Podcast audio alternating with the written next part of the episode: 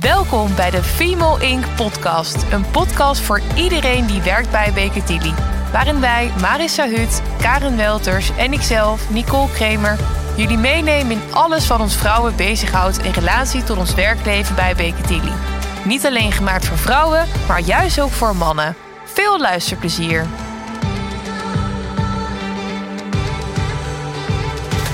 Hi, and welcome to the third episode of the Female Inc. podcast. Today's podcast will be, as you already noticed, be spoken in English. I think personally it's important to do so if we want to become a more inclusive organization. With this podcast, we would like to reach out to all of you, including our non Dutch speaking colleagues. And of course, Nicole, our colleagues of the Baker Tilly International yes. Network around the world. Indeed, as well. Indeed, as well. As you already know, every podcast episode we invite a guest to join us. In this podcast, we cross international borders and go to the UK. Marisa interviewed our CEO of Baker Tilly International, Francesca Lagerberg, about female leadership. Marisa, tell us how exciting this is. Yeah, well, Nicole, it was actually amazing. I was in the Mm-hmm. UK for a client meeting and uh, I was in Cambridge first and then went to London. And um, I also had a meeting with the Baker Tilly Indirect Tax Business Development Team. But while I was planning that trip, I reached out to Francesca because I thought, hmm, we are recording these podcasts. Mm. And uh, I would really like to talk to her about female leadership. So I sent her an email and she said yes. So when I received Wow. that yes, um, she also confirmed that she would be in uh, UK that week, which is of course amazing because she's traveling across the world, Mm-hmm. What a all. coincidence. Yeah, it's it's really a coincidence. Visiting all the firms, visiting conferences. So it was really a coincidence that she was there and that she had time to meet with me.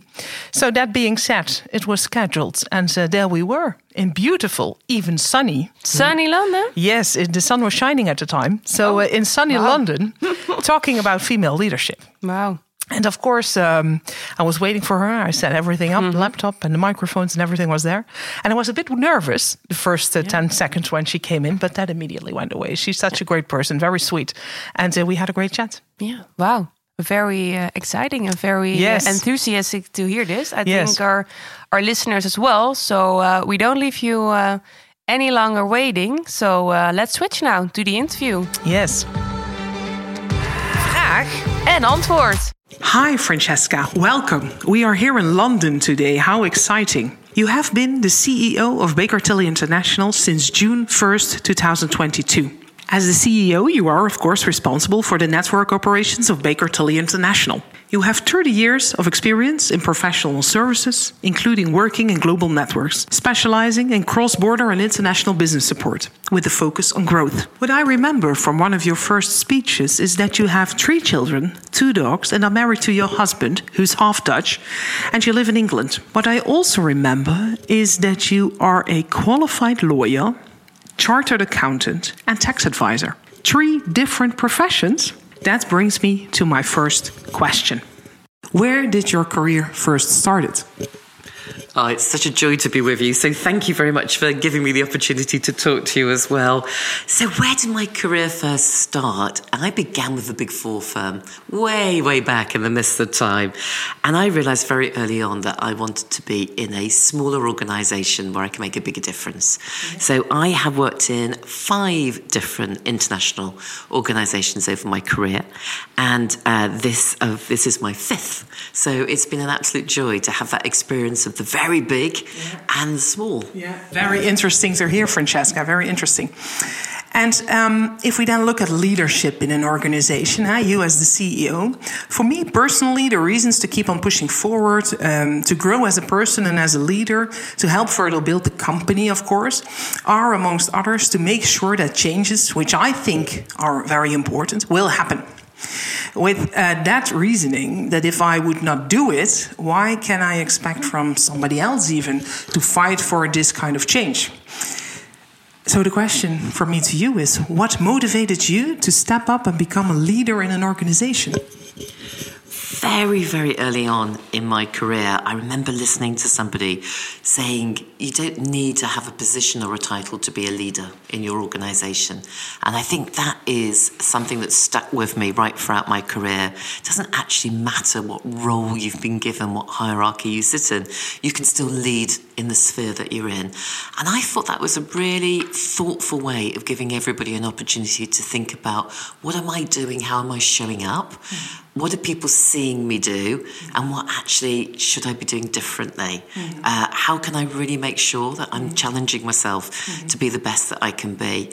And I have read more books on leadership than probably uh, any sane person should. But I've also had the joy of listening yeah. to great leaders, seeing yeah. great people.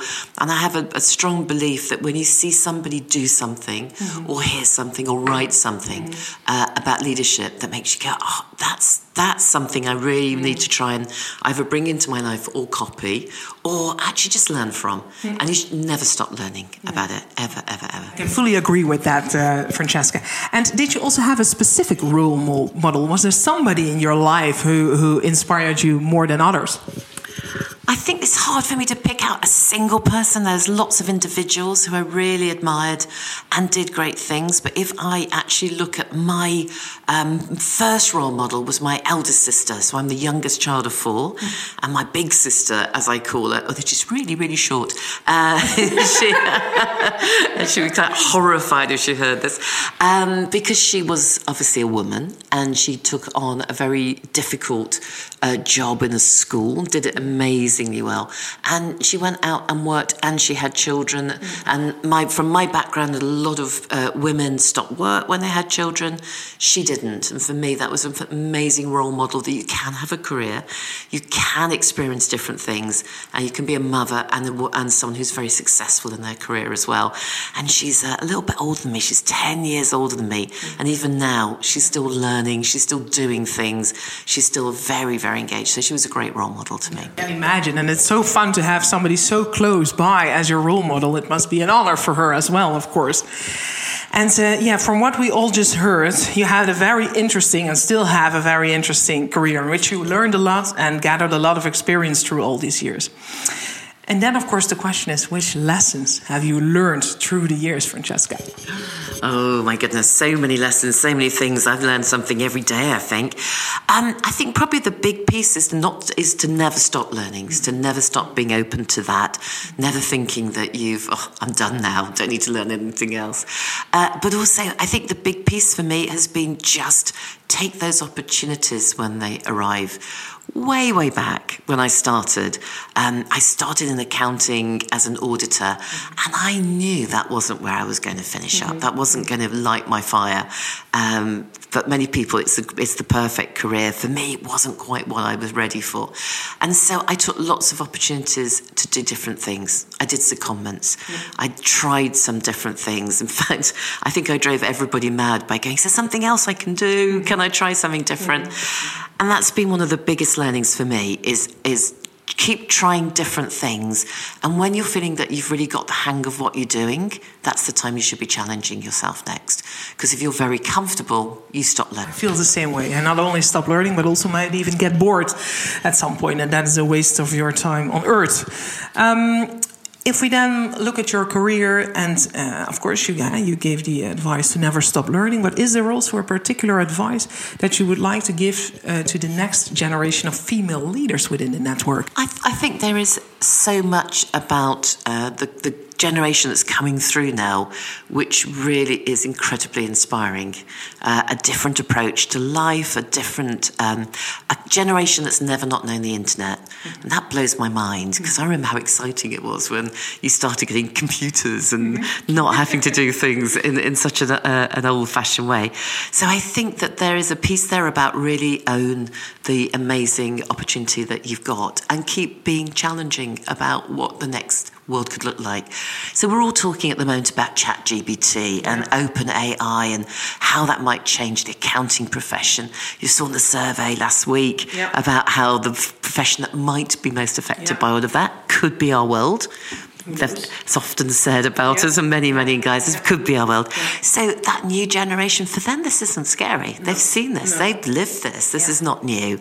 Uh, so an amazing opportunity to lead the way in this new technology, in these new ways of thinking, and marrying that with the experience that they're also gaining from the people around them.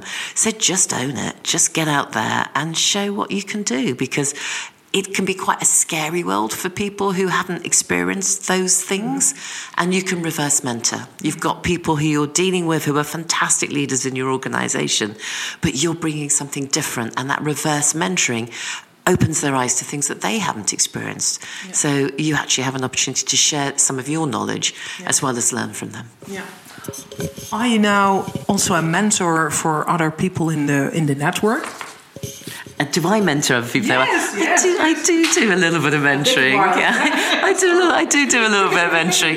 Um, I'm also a fully qualified coach. So, yeah. um, about ten years ago, I got myself professionally qualified as a coach. I I just think it's probably the most useful tool that we have in our profession to be uh, not someone who is a command and control individual, but helps people to find the answers. Most people know the answer themselves, or at least are able to get themselves towards the right answer. I think it's a much better way of learning. I think it's a little bit like the the the old style of "thou shall be told what to do and you'll do it," yeah. uh, long since gone. So how can you create a coaching environment where you help people to be the best that they can be, but you help them to get there as opposed to tell them how to do it. So, mentoring, I think, is hugely important, but I think coaching is just as important. Yeah. Wonderful, wonderful to hear that. With your previous employer, Francesca, every year the global progress of women in senior management was tracked. Uh, research was done and a report was published. I read it on the internet, of course. Aside from this information, I understand that actions were included which leaders need to take to change the number of high level roles held by women. Very interesting, of course, to measure these figures, these developments worldwide, and also to indicate actions required for everybody involved. As we all know that still a lot of action is required worldwide, and not only with Baker Tilly, um, in order to achieve diverse teams, which of course increase results, are more successful in several areas, such as innovation and creativity. Looking then again at women in, in management, senior management, what strategies do you think can work well to promote inclusion in the workplace in your view? And then, if we're looking at the Baker Tilly network, what are you looking for to implement here? Yes, if you look at the progress, particularly looking at gender, though you could um, have, make a very similar argument about race and many other aspects as well. But looking at gender, there's been a glacial shift in women moving into senior leadership. And some of that has been because people genuinely opt not to go that route. They look at it and go, that's terrible. Why would I want to do that. Uh, but many other aspects are actually that there's um, a huge fallout of women at the senior level because it can be incredibly hard to break through that uh, famous glass ceiling or just becomes so difficult. You wonder why would I want to do this? So there are many, many things that can happen to change, to shift that dial. Um, and the first thing is to recognize that there's an issue. So, in, in, the research that's happened, you can see that there's a lot of very common issues that cause mm. women to, mm. to drop out of the yep. workplace. Yep. And a lot of that is to do with the fact that it, there isn't an environment that encourages them to go forward. And that can be about simply having sponsorship, yep. somebody taking the time, we've just mentioned, taking the time to really help that person through what can be quite difficult, challenging moments when it isn't an area where they might be willing to put themselves forward. They might feel a little bit less confident about their ability to do it. They may look at that leadership team and go, they're all men. They're all middle aged. I'm not that person. Mm-hmm. How am I going to get into that environment? Women network differently. So often we aren't as good at being at the right place where some of those decisions are being made. Yeah, yeah. So there's a piece there about how do we um, make sure that we are not missing out because of that. Male allyship, which I'm a huge fan of, is getting men who are in senior leadership positions truly owning the issue and making sure they're helping people who perhaps aren't following the traditional route to get to senior leadership all of those things matter. Proper pay mm. for men and women. I had some terrible United Nations research saying it could be several hundred years before there's gender parity on pay. That's just not acceptable. That's not acceptable. We should never, ever think that's the right way to go. So a lot there to also to give the attractiveness that if you do get to a senior role, you'll be properly paid for what you do. That's massively important.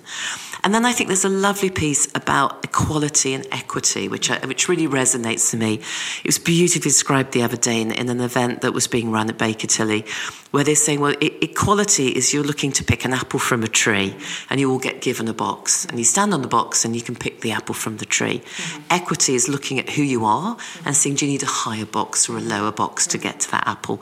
And I think that's the piece is around accepting the fact that sometimes you have to do things a little bit differently to reflect the fact that your audience needs a different kind of help. Yeah. And smart organizations, to answer your second question, smart organizations take the steps to make sure that everybody's capable mm-hmm. of reaching their full potential. They may choose not to reach their full potential, mm-hmm. that's a choice. But if you aren't giving an environment where people think that they can succeed, yeah. why would you want to make what might be 50% of your starting population have a lesser chance of success? And finally, on this, I get asked a lot about talent. How do we keep talent? How do we attract talent? How do yeah. we retain talent? Yeah. Funnily enough, the firms that do all the right things don't seem to have quite as many problems as those that don't. Yeah, yeah, we are living interesting times, at least. And indeed, um, the equity and equality was also the theme of the International uh, Women's Day uh, this year. Yes, very good. Uh, good that it was under the attention of everybody. If we then look at how can we calculate if we can calculate it, we're all accountants, or somebody is an accountant, yeah, we can calculate very well. How can we calculate the positive impact of having women in the organization and in leadership roles, Francesca? Everyone's always tried to put a figure on it. Um, yeah. The best one I've ever seen was done by the Singapore University, and they were able to show that an organisation, and they were looking broadly here, not mm-hmm. just accounting firms, organisations that had a more diverse board, and that's diversity in all its guises mm-hmm. race, gender, whatever. Um, they were commercially more successful. Mm-hmm. And when you actually go into that, it doesn't necessarily show causation, it does show correlation though. Mm-hmm. And in that correlation, that linkage, w- what it suggested was that the conversations they were having were broader, mm-hmm. so they were thinking more widely and therefore seeing different opportunities. So they weren't in an echo chamber, they weren't talking to themselves, they were actually thinking a little bit more broadly. But um, the research is not really perhaps as meaningful as the little bit of common sense. Yeah. Why on earth wouldn't it make a difference? Give me one good reason why it wouldn't be a good idea, yeah. and I can't think yeah. of a single one. I fully agree with that, Francesca. I can't say anything otherwise. Then, looking at the practices in our profession, um, what do you think then that could be the most significant barrier to female leadership? Yeah, I think there might be a few barriers. I think some of it is comes from within a belief that um, you as a woman aren't going to be able to make those leaps. You aren't going to get to that top table. Not many people have so far. Why would why would I be different? Uh, it may look a little bit like oh, it looks a little bit hidden, a bit opaque. How do I do it? Mm. Um, so I think sometimes ourselves are the biggest barrier, yeah. and I think then there's also a piece around old fashioned ways of thinking that can just feel a little bit cumbersome. And, and talking to many, many people over the years, quite a few have just gone, I just can't be bothered really. I mean, there's other things in my life. I can choose different paths. So I think the attractiveness of some of that senior leadership uh, can lose its shine. Um, and I think we just look at the sheer numbers that drop out at certain levels suggests that those those challenge points are where people begin to question do I actually want to put myself through that? So, for us as an organization, when you get to those challenge points, what are we doing mm-hmm. to make people think it's positively of value to stay as opposed to, oh, you know what, I'll look for something else or I'll try a different route? Mm-hmm. So, I think it's incumbent on us as an organization to really offer something that's attractive. Yeah yeah, yeah, to guide them and help them more and put yeah not push them but move them forward. Then we go to the last question francesca and uh, we go back a few years only a few years to you as a 25 year old francesca. And when you began your career many many years ago did you ever imagine that you would be the ceo of baker tilly international No, of course not. What did I want to be at 25? I wanted to be a, I wanted to be a, no, um, a Nobel Prize winning author, I think, when I was 25. I, or, or, or, maybe something else entirely. I can't even remember. Uh, no, no. And actually, uh, I don't think the thought would even have occurred to me. I'm not sure that I knew what a global CEO of the accounting practice even did. And in the firm I was in that time, I'm not sure I knew who the global CEO was.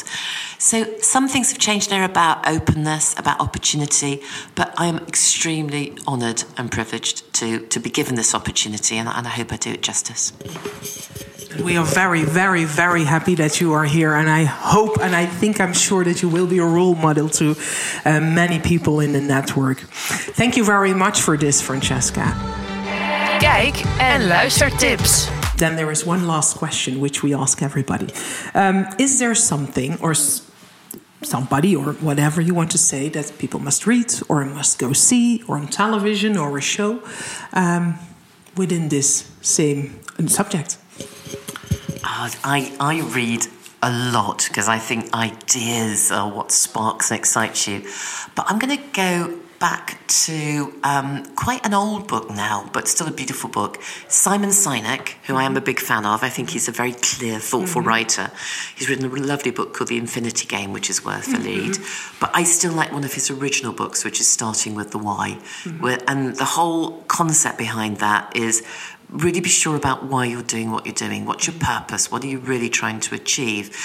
And in an organization, you often have a, a, a purpose for the network mm. or a purpose mm. for your firm. And, and they're a really good amalgamation of great ideas of what you're trying to do beyond the mm. audit, tax, mm-hmm. advisory work that we mm. do. But what's your purpose as an individual? What is it you're trying to achieve? And that can shift with time, something to revisit over time, but being um, at least open to really considering why, why, why are you motivated by certain things? Why do you want to do those?